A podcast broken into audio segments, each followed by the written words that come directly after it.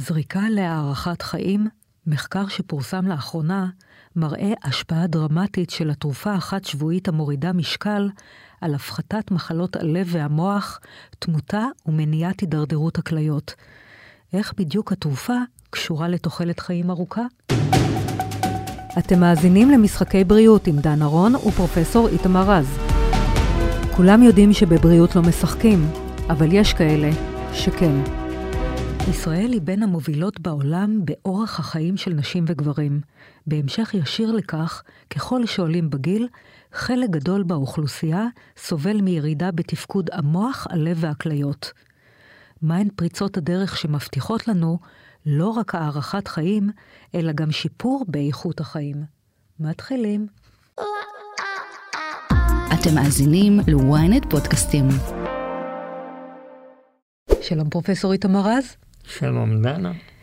האם יש זריקה להארכת חיים? אל תענה. נציג קודם את האורח המכובד שלנו, וזכות הדיבור היא שלך. שלום לך, דוקטור רועי אלדור, שלום. מנהל יחידת הסוכרת באיכילוב. אז פרופסור רז, האם יש זריקה להארכת חיים? הפודקאסט נעשה באופן בלתי תלוי וללא השפעה על התכנים, כשירות לציבור על ידי חברת נובו נורדיסק. אה, יש זריקות להארכת חיים, להארכת חיים. אה, זה חדש לגבי אנשים שאינם סוכרתיים. רוב המחקרים שנעשו בעבר נעשו כתוצאה מדרישת ה-FDA, mm-hmm. שכל תרופה חדשה תוכיח שהיא איננה גורמת נזק ללב. ואז היו לנו הפתעות. ב-2011 יצא מחקר גדול מאוד על uh, תרופה שבעצם היום היא מפותחת יותר, שהראתה ירידה ב-20% בתחלואה ותמותה של סוכרתיים שקיבלו אותה. וואו, זה דרמטי. ובעקבות זאת נעשו מחקרים רבים, וכל המחקרים הראו שסוגי התרופות מסוג התרופה שניתנת עכשיו אחת שבועית, הן מורידות מאוד תחלואה ותמותה, תחלואה לבבית ותמותה אצל חולי סוכרת. הפריצת הדרך לאחרונה זה שנתנו את התרופות, הרי התרופות האלה, אחת שבועיות, הן גם מורידות משקל. זה אחד מיתרונותיהם הגדולים, ולכן שאלו את השאלה... מראש אגב אה, זה כוון להורדת משקל? כן. או שזו תופעת הלוואי? לא, לא, לא. אוקיי, ואז 아, פתאום האם, עלו על הקונץ. האם, לא, כן. לא, זו שאלה אוקיי. מצוינת. Okay. זו שאלה מצוינת שהראו לאורך זמן, בשנים mm-hmm. שעברו, שהתרופות האלה, משפחת התרופות האלה שהתחילה ב-2003, אני מדבר לפני 20 שנה, יש לה לא רק אה, השפעה על הורדת הסוכר, יש לה גם השפעה על השובע, mm-hmm. על הרעב, ולכן היא גם מורידה משקל. אז זה דבר שידוע שנים רבות. אבל רוב המחקרים נעשו בסוכרתיים. בשנים האחרונות התחילו לעשות מחקרים גם על אנשים עם השמנת יתר ולבדוק את השפעת התרופות האלה באנשים עם השמנת יתר. ולאחרונה יצא מחקר מרשים, יש גם אחד שבדרך, שהראה הורדה של 20% בתחלואה ותמותה של אנשים שמנים שאינם סוכרתיים. אוקיי? ויש גם מחקרים אחרים שהראו את הדברים האלה. השאלה היא באמת מהו המנגנון, איך זה בדיוק קורה. אה, אולי אתה רוצה להגיד על זה כמה מילים? אני, אני תמיד אומר למטופלים שלי שאני כבר יותר מ... 15 אה, שנים עוסק גם במחקר של התכשירים ממשפחת ה-GLP-1, שזה התרופות האלה, אה, ואין לנו מושג איך הן עובדות. כי אמרת זה מוריד תיאבון, זה נכון, אבל זה עושות כל כך הרבה דברים בגוף. וכל כך הרבה דברים מרתקים בגוף, ותיאבון זה לא רק מנגנון אחד, אה, תיאבון זה כל ההוויה שלנו, כי זה גם איך שמטופלים מסתכלים על אוכל, ומה הם, איך הם מתכננים ארוחות, זה משהו הרבה יותר תלת-ממדי. אז אני אומר, בסוף, בסוף, בסוף, הרבה תרופות, ב, גם בתחום הסוכרת, אנחנו לא יודעים איך הן עובדות באמת. אפילו המטפורמין יש, כן. טוב, אבל יש את התוצאים הקליניים. התרופה הזאת הורידה מאוד תחלואה ותמותה, והתרופות החד שבועיות, אה, מורידות בצורה דרמטית אירועים מוחיים, אירועים לבביים, אה, אי ספיקת הלב. לאחרונה יצאו עבודות שאומרות שהן גם משפיעות על אי ספיקת הלב ומורידות. וכמו שאומר דוקטור אלדור, יש להן השפעה בכל כך הרבה גורמים. הן משפיעות על הכבד, הן משפרות דרמטית את הכבד. הכבד השומני, יש להם השפעה במוח. אנחנו יודעים היום שמי שמקבל את התרופות האלה, כנראה זה ידכא או, או יעכב את ההידרדרות המוחית שלו, הקוגניטיבית שלו. יש להם השפעה בהרבה מקומות, ואני מסכים איתך שאין לנו תשובה על למה, ואני העליתי את השאלה הזאת לאיש מספר אחת בעולם בתחום הזה, שאיך קוראים לו? דרוקר אתה מתכוון? דרוקר, דן דרוקר, דניאל דרוקר, הוא פיתח את כל הנושא הזה, ויש לו כל מיני הסברים, אבל הוא אמר לי בדיוק מה שאני אמרתי. הוא אמר, יש לי הסברים, אבל אולי יסתבר עם הזמן שהם כולם מוטעים. התוצאות מדברות בעד עצמן, התוצאות הן מרשימות ביותר, היכולת להשתמש בתרופה היא טובה מאוד. אני חושב שרמת התופעות הלוואי היא יחסית נמוכה יותר ממה שאתה תיארת, רועי. ו- והתוצאות הן טובות מאוד. יש כמובן כאלו שלא מגיבים לתרופות, נכון. יש בעיות גנטיות, יש כאלו שמקבלים את התרופה וזה לא עושה להם כלום. כן. אבל רוב האוכלוסייה מגיבה, מגיבה טוב ויכולה להשתמש בתרופה. ו- ואני רוצה רק לתת קונטקסט היסטורי כאן, כי זה, זה, זה אירוע היסטורי מה שקרה בעצם. אלפיים שנה האדם מפתח תרופות להשמנה, למחלת ההשמנה, mm-hmm. ולא מצליח כי הן עושות נזק, ועד דברים משוגעים כמו להדביק מטופלים בתולעים כדי לרדת במשקל, כל מיני דברים כאלה. אה, ואפילו אני בעידן... זוכרת את המלטעות, אתה כן, זוכר כן. שסגרו כן. את הפה עם אה, ברזל? יש היה... אין סוף סיפורים, כי מזעזעים. מחלת ההשמנה. היא מחלה מאוד מיוחדת, היא גם מזכירה קצת את הסוכרת בזה שהיא עושה נזקים ארוכי טווח. אבל היא גם גורמת סבל מיידי יומיומי. ובתחום הזה, גם עד השנים האחרונות, עד התרופה האחרונה, כל התרופות נפלו לא בגלל חוסר יעילות, אלא בגלל העניין של הבטיחות. התרופה האחרונה נפלה בגלל שהיא אולי מעלה את הסיכון לסרטן, אחת לפניה עשתה אה, התקפי לב, ואחת לפניהם עשתה דיכאון ואולי אובדנות. ובתחום הזה, המחקר הזה שיצא עכשיו באנשים עם מחלת ההשמנה, שהראה שיש לנו תרופה שהיא לא רק מאוד יעילה לטיפול במחלת ההשמנה, ירידות של 15 עד 18 אחוז, אלא גם בטיחותית ומועילה באנשים עם מחלת ההשמנה ומחלה קרדיו-וסקולרית קודמת, זה אירוע דרמטי, זה בעצם אירוע היסטורי בתולדות האנושות, כי מהיום ואילך נוכל להתחיל לטפל בצורה יעילה במחלת ההשמנה. וואו. בצורה בטיחותית ויעילה. בצורה נכון, רק מילה אחת, שההוכחה בינתיים הייתה לאנשים שיש להם מחלות לב. נכון. זאת אומרת, התרופות האלה עוזרות הכי הרבה ככל שאתה יותר חולה. יותר בסיכון. אם אתה בריא לחלוטין, אז, אז יש סיכוי גדול שתחיה גם בלי התרופות האלה. אז הרמת, יותר קשה להוכיח. קשה להוכיח. הרמת לי להנחתה, פרופסור רז, כי אני אומרת, נכון שלא ייתנו לי אם אני לא סוכרתית ולא סובלת מעודף משקל, אבל אני דווקא רוצה לגעת בהארכת חיים. אם הייתי לוקחת אותה, היא יכולה להטיב עם המדדים שלי ולהעריך את חיי? אז שוב, זה נורא חשוב. סתם באופן אה, היפותטי לחלוטין, אז, כי הרי אני לא אקבל אותה. אז התשובה היא, כן. כמו שתשע מתוך עשר פעמים אני מלמד את המתמחים אצלי באיכילוב, כששואלים שאלה בתחום הזה, כן. להגיד שאתה לא יודע זה בסדר. אוקיי. אוקיי? צריך נורא להקפיד לתת את זה לאנשים לפי התוויה, בליווי כן. רפואי. אנחנו סוף סוף יודעים שהשמנה זה מחלת ההשמנה, אנחנו יודעים שיש לנו תרופה.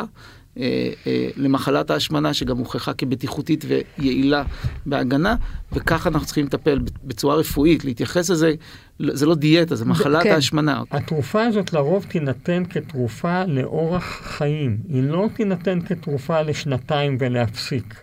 מה לרוב, קורה למי שמפסיק? עולה בחזרה. לרוב מי עולה שמפסיק בחזרה. לאט לאט יחזור לאותה בעיה, ולכן הגישה היום, ודוקטור אלדור מעלה דבר מאוד נכון, האם מתן התרופה לאורך שנים לא יגרום לנזק? האם אה, אדם שמתחיל ליטול את התרופות האלה, צריך לשנות את המינונים במהלך חייו? כי הרי אתם אומרים שזה עד בעצם סוף חייו, אחרת הוא מפסיק, הוא עולה. הפודקאסט נעשה באופן בלתי תלוי וללא השפעה על התכנים, כשירות לציבור על ידי חברת נובו נורדיסק. אנחנו לא יודעים, זה בדיוק העניין. אנחנו יודעים מה קורה במחקרים, שמעלים mm-hmm. מינון, מנסים להגיע למינון מקסימלי עם המטופלים, ואז נותנים את המינון הזה לאורך שנים. אה, זה אחת משאלות, ה, נקרא לזה מיליון דולר okay. או אוקיי. מיליארד דולר, כי זה רבע מאוכלוסיית האדם, אנחנו מדברים. Mm-hmm. האם יש אפקט בריחה מההשפעה של התרופות האלה? Mm-hmm. נניח מישהו ירד אה, הרבה מאוד במשקל ונהנה מהתרופה, האם הוא, המשקל יהיה יציב לאורך 20 שנה? אנחנו יודעים שלדוגמה בניתוחים בריאטריים, שגורמים לירידה מאוד מרשימה נכון. במשקל, כעבור 15 שנים רואים אפקט ברירה, לפעמים זה יותר מוקדם או יותר מאוחר. אה, לפחות מה שראינו עד עכשיו במחקרים, וגם במחקר החדש שפורסם, לא היה סיגנל של אפקט בריחה, אבל זה זמן של בערך חמש שנים, עד חמש שנים, וגם בקליניקה אנחנו רואים מעט פריחה, אבל אנחנו משחקים על זמן. Mm-hmm. למה? כי זה לא התרופה האחרונה, אוקיי? ואם יש אחת כזאת טובה, אז יש כבר היום כן, אה, שבעה מולקולות, בפול, אה, כן. שבע מולקולות בפיתוח, ברור. ויכול להיות שאתה תשרוד, ת, תמשיך עם התרופה הזאת עד שיהיה משהו, אבל... אם תזדקק לו משהו יותר חזק, ובהמשך תוכל... אבל יש שני דברים שלמדנו מהמחקרים. אחד, שירידת המשקל, נניח אתה יורד עשרה קילוגרם, זה הממוצע. אתה יורד ואתה מתייצב. נכון. ולמשך הזמן יש, כן מראים שאתה אפילו קצת עולה. ואז השאלה של דנה היא נכונה, מה עושים אז? למשל, יעד המטרה שלך היה להוריד את המטופל ב-20 קילו, והורדת אותו ב-12 קילו. אוקיי? והוא מתייצב, מה אתה עושה אז? אפשרות אחת היא העלאת המינון. בכל זאת שאם אנחנו עולים במינון, מכפילים את המינון, משלשים את המינון, התרופות החדשות משלשות את המינון, כמעט משלשות כן. את המינון, אתה יכול כן להשפיע השפעה חזקה יותר. יש אדם שהגיע לתקרת מינון המקסימלית ומשם אין לעלות? בתרופה הזאת. כן. אבל שוב, אמרתי, אנחנו כבר, כבר אושרה התרופה אלה, הבאה, כן, שמשל... ויש עוד שתיים כן. שבשלבי פיתוח, בשלב mm-hmm. שלוש של פיתוח, יותר אפילו משתי תרופות. כן, יש... יש כאן תהליך דינמי. Mm-hmm. ש, כן. ש... יש גם הרבה שלא מגיבים לתרופות. כן. יש הרבה, דרך אגב, גם... מי מ... לא מגיב לתרופות? אנחנו לא יודעים להגיד. 아, לא יודעים. זה אה, גנטיקה. גברים, גברים מגיבים פחות. אה, באמת? זה נכון, כן. גברים מגיבים פחות. אה, יש כאלה שטוענים, דרך אגב זה הופיע בספרות, שסוכרתיים מגיבים נכון, פחות. זה גם... גם יש, אבל... יש גם אה, קריטריון גיל למי מגיב פחות או לא, יותר? אבל, אבל יש כזה רמז, כי ככל שעולים בגיל פחות יודעים, יורדים במשקל. יש רמז שזה כן. עניין של אה, אולי מסה, mm-hmm. זאת אומרת, גברים הם יותר גדולים הרבה פעמים מבחינת mm-hmm. המשקל האבסולוטי. אז יותר קל להם לרדת, לא, אגב, כי יש מה להוריד. לא, אז אתה מקבל 2.4 מיליגרם על 100 קילו או על 70 אוקיי. קילו, כמובן שהריכוז הוא שונה בגוף, ברור. ויכול להיות שזה כל הסיפור, אנחנו לא באמת יודעים, כי עוד לא עשו את המחקרים, אבל זה, שוב, זה דברים שקורים בימים אלה, אבל נגעת בנקודה, האם גבר ששוקל 100 קילו ואישה ששוקלת 70 קילו מקבלים, מקבלים אותו המינון? אותו מינון, כן. כרגע כן, וזה, כן. יש כאן קצת עיוות. נכון. כן, גם, אולי, גבר ששוקל, כן. גם גבר ששוקל 160 קילו. הוא מקבל אישה. בדיוק כמו אה, 70 קילו. זה המינון שקיים. כן. יש לנו מטופלים שלא יורדים 10 אחוז, במש... לא יורדים 10 קילו, יורדים 40 קילו. נכון? ראינו את זה. אני מכירה אחד כזה. כן, כן. ויש כאלה שאתה נותן להם את זה, וזה כמו מים, זה לא עושה כלום. ואנחנו לא יודעים לזהות. עכשיו רואים ואני הולכים לעשות מחקר לבדיקת הרוק, כדי לראות אם אנחנו יכולים לזהות ב-DNA, כן, ב- ב- או, ב- או ביצירת החלבון של המטופל, ב-RNA, שיוצר את החלבון, mm-hmm. האם אנחנו יכולים לזהות מי הם אלה שלא יגיבו לזריקות האלה, או שיגיבו ביתר לזריקות האלה. מה האחוז של, של הלא מגיבים? אחוז הלא מגיבים... זה, אה... זה עניין של כמה את מגדירה לא מגיב, לא יורד בכלל, לא מעט יורד מאוד. בכלל. מעט מאוד לא מעט יורד מעט. בכלל, אבל יש כאלה שיורדים חמ, חמישה קילוגרם, חמישה אחוזים במשקל, mm-hmm. שזה פחות מהממוצע הישראלי. אבל אין דבר כזה לא יורדים. לא, לא יש, יש, יש מעט יש. מאוד כאלה שזה פשוט כמו מים. גם בתרופות כן, החזקות לא... ביותר. כן, תמיד יש. אה, ירידה של פחות מחמישה אחוז, שזה כבר לא מרשים, כן. זה היה בסדר גודל של 13 עד 15 אחוז. כן. Mm-hmm. ירידה של 10 אחוז, יש ב-70 אחוז, זאת אומרת 30 אחוז לא ירדו יותר מ-10 אחוז, גם בתרופות החזקות. אה, האם יש, אה, דוקטור אלדור, אה, מטופלים שעל ידי ההתנהגות שלהם הם משבשים בעצם את הירידה במשקל על ידי התרופה להשמנה, חוץ מלדפוק במבות בלילה. אז תראי, אני, אני אגיד לך את זה בדרך אחרת, זאת אומרת, מה, מה עושים כשלוקחים את התרופה? כן. אמרנו צריך מעקב רפואי כי זו תרופה, mm-hmm. ולפעמים אנשים לא, זוכ, לא חושבים ככה, הם לא מייחסים לעצמם את מחלת ההשמנה, ולכן יש לי מטופלים ששנתיים מבקשים חידושי מרשמים עד שאני מביא אותם כמעט בכוח למרפאה. Okay. אוקיי. וצריך לעשות בדיקות דם. אבל כל המחקרים נעשו על גב של אה, מעקב אה, אה, תזונת, תזונתי בעצם עם המלצה לדיאטות. ספציפית בתרופה שכ, שכרגע דיברנו עליה, עשו מחקר גם עם, עם, עם התערבות מאוד אינטנסיבית של דיאטה, וראו ירידה מהירה במשקל, ובסוף המקום שהגיעו, שעצרו בו, היה מאוד דומה למחקר אחר שבו ההתערבות היה, הייתה פחות אינטנסיבית.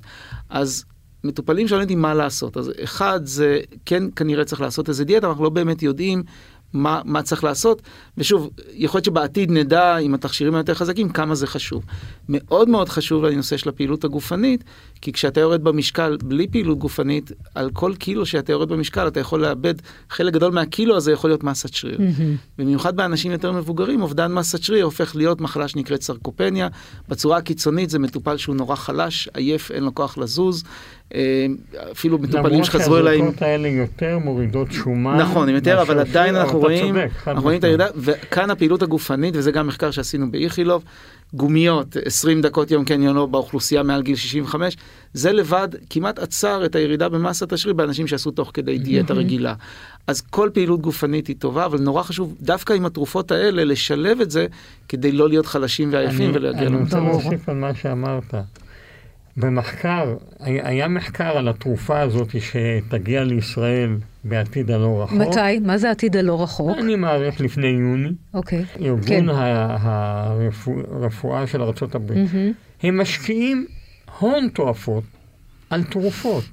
המחקר על נושא של אורחות חיים מושקע בו בין 4 ל-5 אחוז מסך הכל הכספים. הרוב הולך לתרופות. ולכן אנחנו לא יודעים היום, אין לנו אה, מספיק מחקר כדי להגיד מהי באמת החשיבות של הדיאטה הנכונה, של הפעילות הגופנית, איך היא משפיעה על בדיוק על מה שהתרופה הזאת הראתה, mm-hmm. על הורדת האירועים הלבביים, על, הורדה, על, על הארכת החיים וכך הלאה. בכל, בכל, בכל הזמן הזה, עד שאנחנו מדברים, יש המון כן. תרופות. יש מחקר אחד, לדוגמה, בחולי סוכרת, על לוקה הד, שניסה לבדוק את זה בצורה מדעית mm-hmm. ברמה הכי גבוהה. שאדם אכל אה, ככל העולה על רוחו, ספורט ודיאטה כן. וזה, בהשוואה לטיפול רגיל. לא, לא הפקרות, אבל רגיל לעומת אינטנסיבי. בן זוגי מופקר באורח לא, אני מדבר על בחולי לא, סוכרת. אבל אני אומרת, ובכל זאת הוא ירד. וכשבדקו את זה בחולי כן. סוכרת, כן. לא ראו כן. שום אפקט של ההתערבות האינטנסיבית כן. הזאת. במחקר המקורי, אחר כך עשו ניתוחים וראו כל מיני רגע, דברים. רגע, לפני שאתה מגיע לניתוחים. אבל זה מחקר אחד שנעשה בעצם כמו שצריך בצורה מאוד מבוקרת. מחקרים אחרים רגע, פחות... רגע, אבל לפני שאתה מגיע לניתוחים, אני, אני מראש אמרתי למה זה לא הצליח, ואז הניתוחים הראו את זה. מה קורה כשאתה עושה אורח חיים בריא? Mm-hmm. אתה יורד במשקל. ואתה אוכל טוב, אבל אחרי שנה, שנתיים, אתה חוזר למשקל. כן. עכשיו, זה הדבר הכי גרוע, לרדת ולעלות. עכשיו, הם היו במחקר עשר שנים. אלה שהיו, 2,500 איש, היו תחת מחקר של פעילות גופנית ואכילה נכונה, אחרי עשר שנים היה להם אותו אחוז של אירועים לבביים ותמותה, כמו אלה שלא עשו את זה. Mm-hmm. יכול להיות שהגורם לזה... אני תמיד אומרת שספורט מזיק לבריאות, סתם, אל תיקחו את זה ברצינות. טוב, זה אנחנו לא רוצים, לא אוקיי. שמענו. אבל, אבל יכול להיות שכשאתה עושה נדנד, עלייה וירידה, עלייה וירידה, בין שזה בהשמנה, בין שזה בלחץ דם, בין שזה בסוכר, הרבה פעמים אתה יכול לגרום יותר נזק מאשר ערך גבוה שהוא יציב לאורך זמן.